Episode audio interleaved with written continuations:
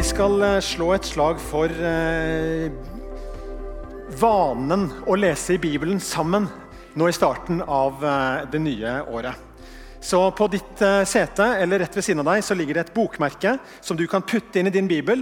Det er SOAP, som da selvfølgelig er et akronym for Skriften, observasjon, anvendelse og personlig bønn.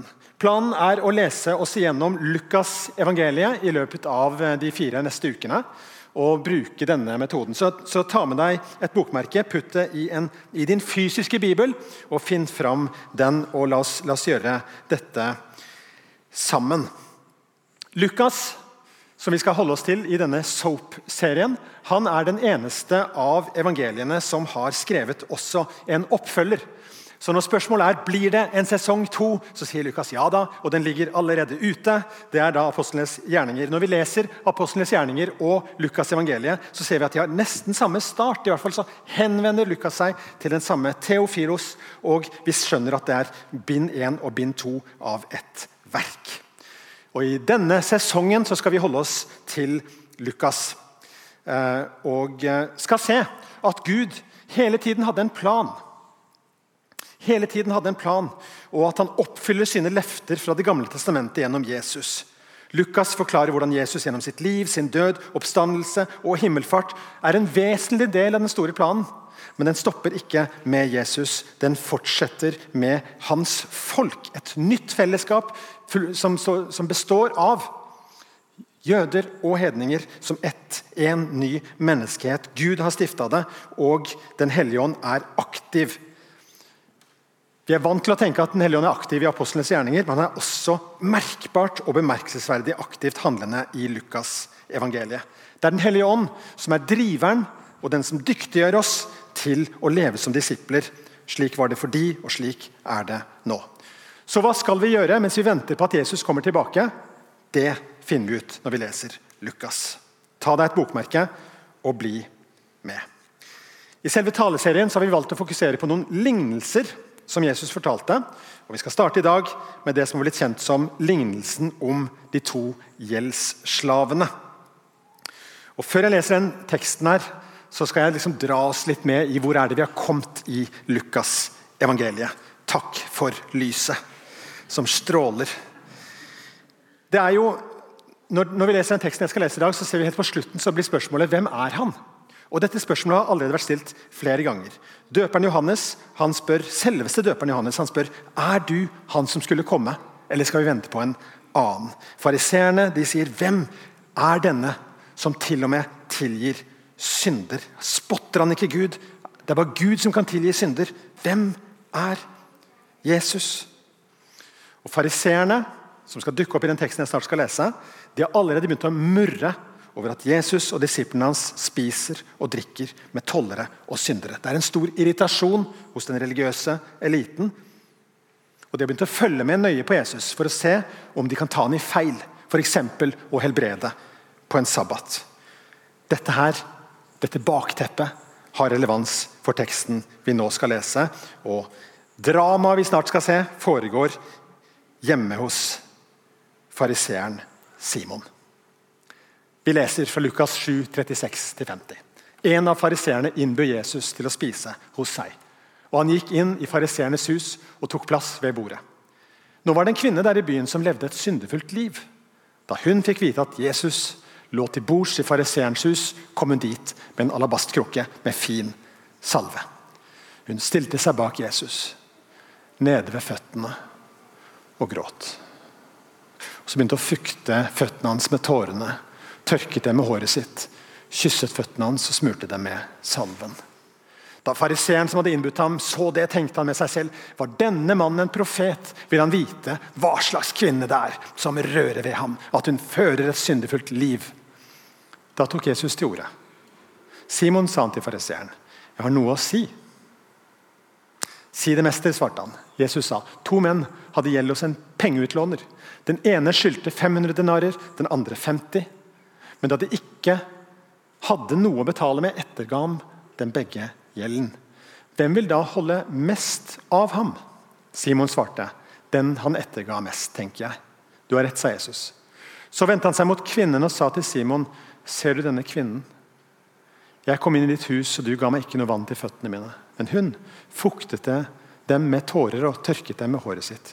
Du ga meg ikke noe velkomstkyss, men helt fra jeg kom, har hun ikke holdt opp med å kysse føttene mine. Du salvet ikke hodet mitt med olje, men hun smurte føttene mine med den fineste salve. Derfor sier jeg deg, hennes mange synder er henne tilgitt.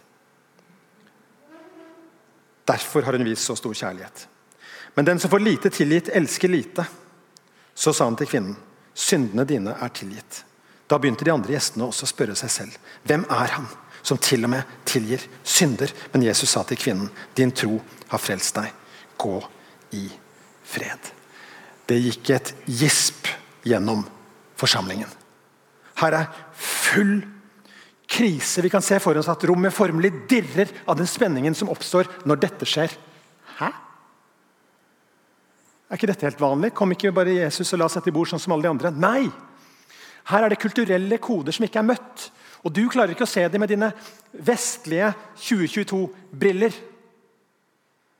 Det er omtrent som at eh, når du, når du eh, setter deg på bussen. Du snakker jo ikke med sidemannen. Hvis du begynner å snakke med sidemannen, så begynner folk å tenke enten er han gal, eller så er han religiøs, eller noe annet vondt.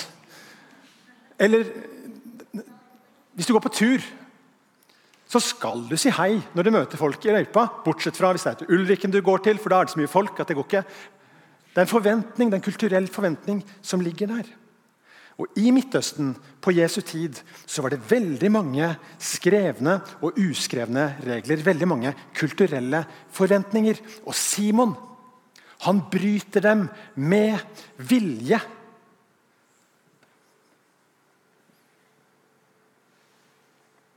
Kanskje gjorde han det som en felle for å se hvordan Jesus reagerer. Denne type selskap var offentlige selskap. Her er det altså en offentlig situasjon. Det er publikum her, og det er hovedaktører her, og det er et drama. Og, og det er intenst akkurat idet vi kommer inn her. Det er et følbart tomrom, for det er noe som skulle ha skjedd, som ikke har skjedd. Stemningen er elektrisk. Og Før jeg sier noe mer om det, så må jeg introdusere den neste hovedpersonen. Og det er kvinnen. I teksten vår så leser vi nå var det en kvinne der i byen som levde et syndefullt liv. Ja, det er en måte å si det på. I Amplified Bible, som, som forsøker å bruke flere ord og hente opp mer av meninger i den greske teksten, så står det det var en kvinne der i byen som var kjent som en synderinne. Det er forskjell på det. Det er forskjell på en kvinne som er en synderinne, som driver et syndefullt liv og som er lastefull. Og Det er sånn vi har lest teksten. Det er sånn vi leser når vi leser den i full fart også. Men hva hvis, hva hvis dette er en kvinne som har møtt Jesus før? Som har blitt satt fri? Og som har lagt av seg dette syndefulle livet, men som fortsatt har et sånt sosialt stigma? Det tenker jeg. Tradisjonen vil ha det til at dette er Maria Magdalena. Og akkurat Maria Magdalena leser vi faktisk om bare noen vers senere. I starten av kapittel 8 så står det om noen kvinner som fulgte Jesus og de tolv. Noen av disse kvinnene var høyt på strå og hadde mye penger. Andre var tidligere prostituerte, som Maria Magdalena sannsynligvis var. Hadde ikke mye, hadde levd på gata. Men de brukte det de eide, for å hjelpe de tolv og Jesus, står det. Og Jeg tror at dette er Maria Magdalena. Så da hadde hun et dårlig rykte. Det hadde hun. Og så hadde hun trøblete fortid. Det hadde hun. Men jeg tror hun har fått et nytt liv. Og Det er grunnen til at når hun fikk vite at Jesus lå til bords i fariseerens hus, så kom hun dit med en alabastkrukke med fin salve. Den tok hun ned fra hylla. Den hadde hun ikke bruk for lenger til yrket sitt, kanskje.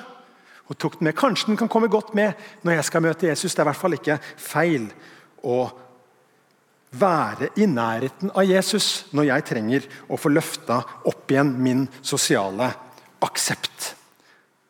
Uten sammenligning for øvrig, Det er litt sånn som David, nei ikke David, men David Toska, som er kjent som en kriminell, som mesterhjernen bak Nokas-ranet. Det skjedde jo et drap der, et politidrap til og med, og de vet fortsatt ikke hvor de 50 millionene er. Men han har en venn som sitter i fengsel med han, som har skrevet et leseinnlegg i Vårt Land som sier at David Toska er kjent som mesterhjernen, og det er myten alle har om han. Som den hardbarka kriminelle skarpingen. Men TV 2 har nå invitert han til å, til å ha et normalt liv til å få lov til å være kommentator for et sjakkmesterskap. Jeg tar ikke stilling til om TV 2 gjorde det riktige, men det var i hvert fall ikke feil av David Toska å tenke at jeg sier ja til denne invitasjonen. Kameraten hans sier at han har begynt på et nytt liv. Skal vi ikke ønske ham velkommen tilbake i samfunnet? Maria Magdalena har møtt Jesus, tar med seg en alabastkrukke med fin salve. Hun tenker at hvis jeg skal komme tilbake igjen til samfunnet, få tilbake det livet som jeg egentlig lengter etter å ha, så er det i hvert fall ikke feil å være i nærheten av Jesus. Hun hadde lov til å komme dit, selv om ikke hun var invitert. For et sånn type middagsselskap det var en offentlig situasjon. Hva gjør hun? Stiller seg bak Jesus. Nede ved føttene og gråter. Tørker føttene hans med håret sitt, kysser dem, smører dem med salven. Hvilke kulturelle koder er det Simon egentlig har brutt? Ja, Jesus forteller litt om det seinere i denne fortellingen. Denne type middagsselskap med en sånn offentlig karakter, hvis det var en rabbi involvert, og hvis det er en vert involvert som inviterer, jo, så er det visse ting du skal leve opp til, som Simon med vilje ikke lever opp til. For det første skal det i hvert fall være et vaskevannsfat til at han skal vaske beina sine. Det er det ikke. Det burde vært et håndkle der, så han kunne få tørka beina sine. Det er det ikke. Når jeg har invitert en rabbi til å komme til mitt selskap, så skal jeg kysse han. Hvis jeg tenker på meg sjøl som likeverdig, så kysser jeg han på kinnet. Hvis jeg tenker på han som over meg, så kysser jeg han på hånda. Og hvis jeg virkelig tenker på han som av kongelig byrd, eller av, av, av, hvis jeg vil gjøre stas på han som om han var en konge, så bruker jeg salve og putter over hodet hans. Ingen av de tingene gjorde Simon. Og folk har sett det. Folk har lagt merke til det. Folk tenker at her er det noe veldig feil. Hva er det Simon holder på med? Egentlig burde Jesus reist seg, skjelt han ut, sagt 'Jeg forlater dette selskapet nå', men han gjør ikke det. Kvinnen skaper balanse i regnskapet. Kvinnen tar på seg den oppgaven som verten ikke tok, og redder han sosialt ved at hun vasker føttene hans med det hun har. Kanskje bryter hun sammen i gråt fordi hun føler at hans Jesus, som jeg setter så høyt, hans, hans ære er krenka på en sånn måte at jeg bryter sammen i gråt. Kanskje var det det som skjedde. I hvert fall så er det de tårene hun tar, og så vasker hun føttene hans symbolsk. Og så får hun et problem. Salven er der, og den, den tenker jeg, kan, jeg kan, ikke, kan, ikke, salve hodet hans, men jeg kan salve føttene hans. Jeg kan ikke kysse ham på kinnet, for jeg er ikke likeverdig, men jeg kan kysse føttene hans. Her nede kan jeg være, for han er der oppe. Og så skapes det et sånt sosialt balansepunkt akkurat da. Men nå går akkurat litt for langt. For hun løsner håret sitt. Det er ikke noe håndkle der. Verten har fornærma sin gjest. Så da løsner hun håret sitt, og det skulle hun ikke gjort. For det gjør bare de prostituerte. Hva gjør Jesus nå? Hva gjør Jesus nå? Simon, han holder seg for nesa. Det var det jeg visste. Ja, jeg har i hvert fall ikke gjort noe feil. Jeg har i hvert fall ikke gjort noe feil ved å gjøre disse kulturelle feilene, for han der Jesus han er i hvert fall ikke noen profet. Hadde han vært en profet, så hadde han jo skjønt hva slags kvinne det er som kommer inn. Kvinnene hadde jo generelt sett ikke noe status. Men kvinner som har levd et syndefullt liv, og som i Simons øyne aldri kunne komme seg opp og ut av den sosiale klassen, nedvurderer henne.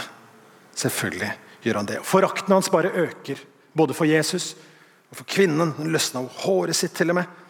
Og, og I Simons øyne så aner Jesus åpenbart ikke hvem hun er er. Og Kanskje Simon tenker nei, nei, nei, nei, hvorfor i det hele tatt inviterte han? Eller kanskje han gnir seg litt i hendene og tenker ja, nå får vi se hvordan Jesus kommer seg ut av denne knipa. For dette her er skandale. Han har i hvert fall ikke gjort noe feil. Det er jo åpenbart. Men denne kvinnen og Jesus som ikke avslører, så er det jo helt klart at det er jeg, Simon, som har rett, og Jesus som har feil. Da tok Jesus til ordet.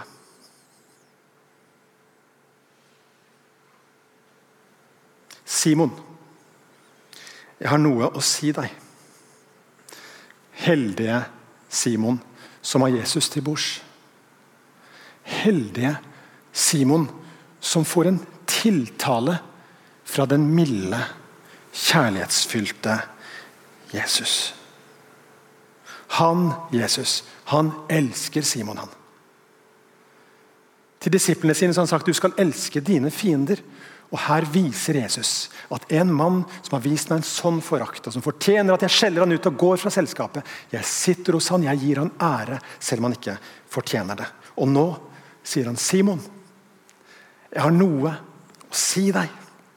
Hva i all verden kan Jesus si nå som treffer på noen som helst måte? Det sies at et bilde sier mer enn tusen ord. Og en fortelling, som Jesus er så god på, en lignelse, den kan ta Simon inn i en forsvarsløs situasjon der han kanskje kan åpne opp for at det kan være noe mer. Hadde Jesus skjelt han ut, så hadde han skjelt tilbake. Vi lever jo i dette giftige samfunnet hvor vi må være enten knallhardt imot eller knallhardt for. Og Enten så er du dette ekkokammeret eller så er du det ekkokammeret. Og du hater eller du er knallsint på de. Dialogen er over. Dialogen har brutt sammen på en måte i samfunnet. Men Jesus han lar seg ikke dytte inn i den grøfta. Han, han forteller en historie. Han forteller en lignelse. Og det funker. Lignelser og Vi skal se på noen forskjellige lignelser i Lukas evangeliet i søndagene som kommer fremover nå. Lignelser har ofte blitt misbrukt. Man har stappa de full av poeng som ikke er der. Man har lest lignelser allegorisk, og på den måten har man, har man liksom gitt seg sjøl lov til å gi og Dette mente det, og dette betydde det, og eh, dette aspektet ved lignelsen og den detaljen i lignelsen betyr dette. Og, og har gitt en veldig åndelig og oppbyggelig forklaring. Problemet er bare at eh, forklaringen er ikke lik, så du må ha fortolkerens ideer. Så Derfor så kom det en motreaksjon blant bibelfortolkere. Man, man, begynte å si at nei, lignelsene har ett poeng. Kanskje sannheten er et sted imellom.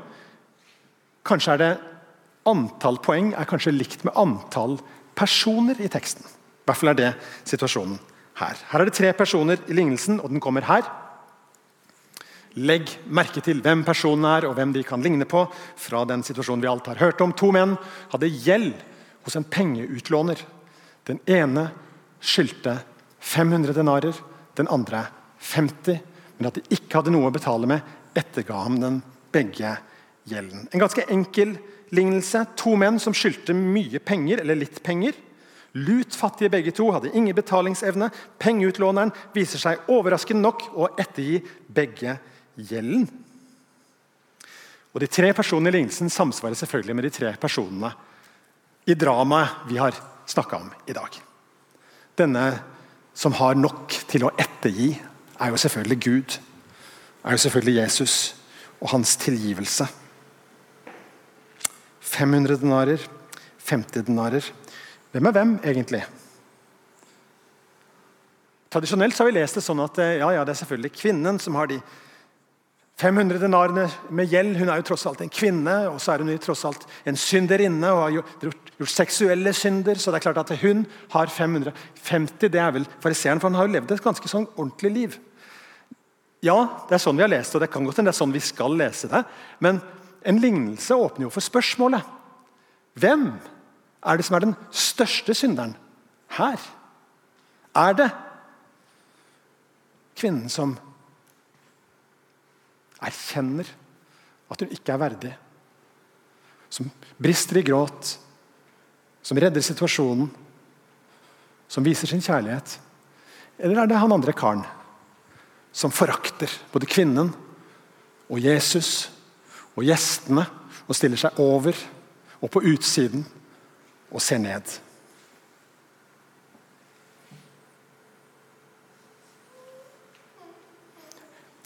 Vi driver jo med sånn konkurranse hele tiden, gjør vi ikke det?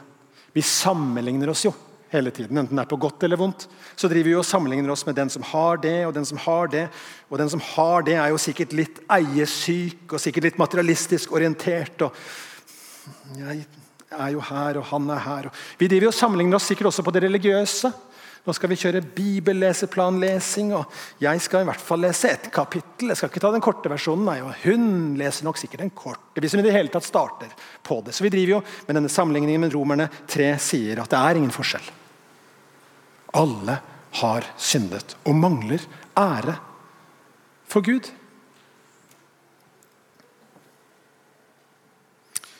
Så, sa han til, hvem av dem, så slenger Jesus på et spørsmål til Simon. Hvem av dem vil holde mest av han? sier han. Så svarer Simon ja, det er vel den som etterga mest, tenker jeg. Ser du, Simon har blitt dratt inn i det universet Jesus har ønska å få han inn i. Og Simon gjetter at det er kanskje han som etterga mest, som holder mest av han som har gitt ettergitt gjelden. Du har rett, sa Jesus. Og Så vendte han seg mot kvinnen og sa til Simon Han vendte seg mot kvinnen. Ikke i forakt, ikke i fordømmelse, men full av kjærlighet og respekt og anerkjennelse. Og så sier han til Simon jeg kom inn i ditt hus, du ga meg ikke noe vann til føttene mine. Hun fuktet dem med tårer og tørket dem med håret sitt. Du ga meg ikke noe velkomstkyss, men helt fra jeg kom, har hun ikke holdt opp med å kysse føttene mine. Du salvet ikke hodet mitt med olje, men hun smurte føttene mine med den fineste salve. Derfor sier jeg deg, hennes mange synder er tilgitt. Derfor har hun vist stor kjærlighet, men den som er lite tilgitt, tilgir. Elsker lite. Legg merke til hva som står. Hvis vi leser den teksten i litt full fart, så kan vi kanskje slumpe oss til å lese hennes mange synder er tilgitt fordi hun har vist så stor kjærlighet. Men det er ikke det som står. Det kommer noe først her. Det kommer en tilgivelse først, og jeg har argumentert for at denne kvinnen har møtt Jesus før. At hun er en synderinne, ja. At hun er kjent for å være en synderinne, ja. Men hennes oppførsel det at hun tok med seg en alabastkrukke når hun visste at Jesus skulle være der, den tyder jo på at her er det en relasjon. Her er det en frelse som har funnet sted. Og dette som står her, er at det er sånn at hun har fått syndene sine tilgitt. og Derfor så har hun vist stor kjærlighet.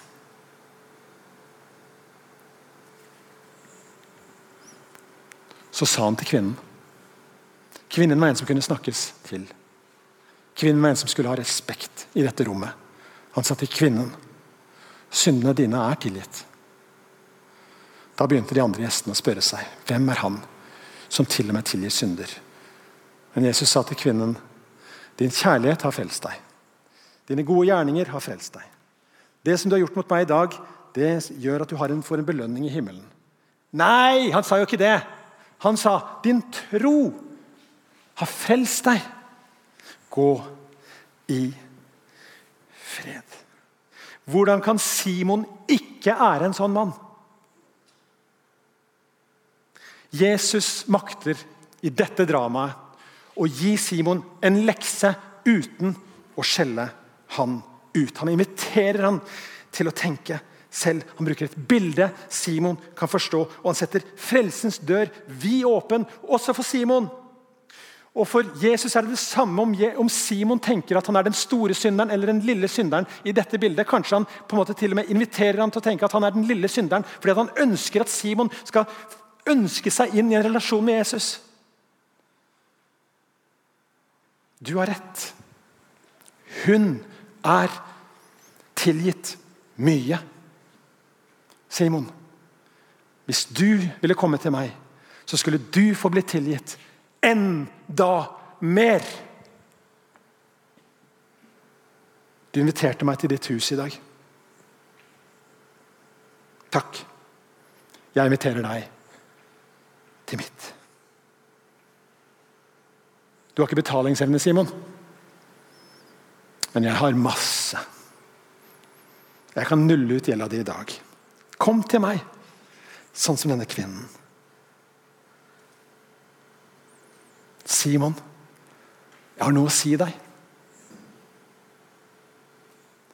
Og Så kan du putte inn ditt navn denne søndag formiddagen.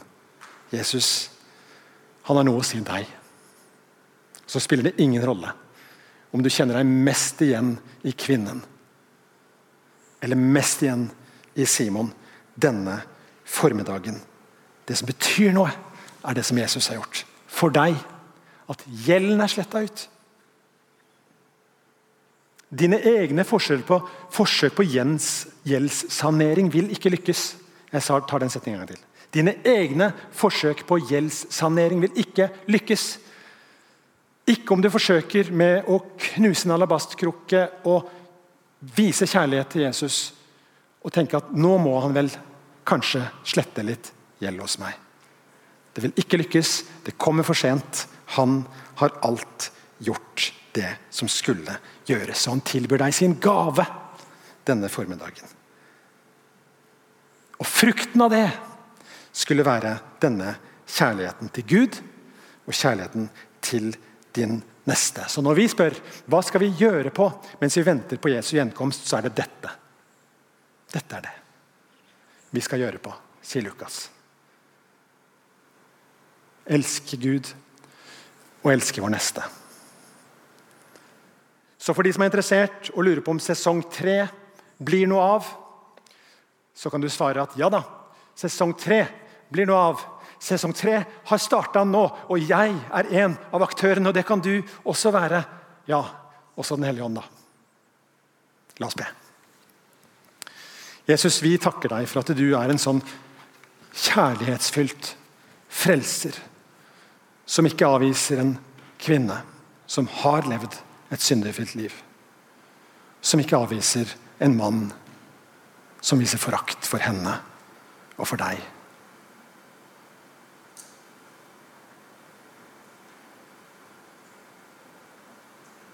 Takk for gjeldssletten. Og du fyller oss med kjærlighet til deg og vår neste. Og må folk spørre hvor har de denne kjærligheten fra?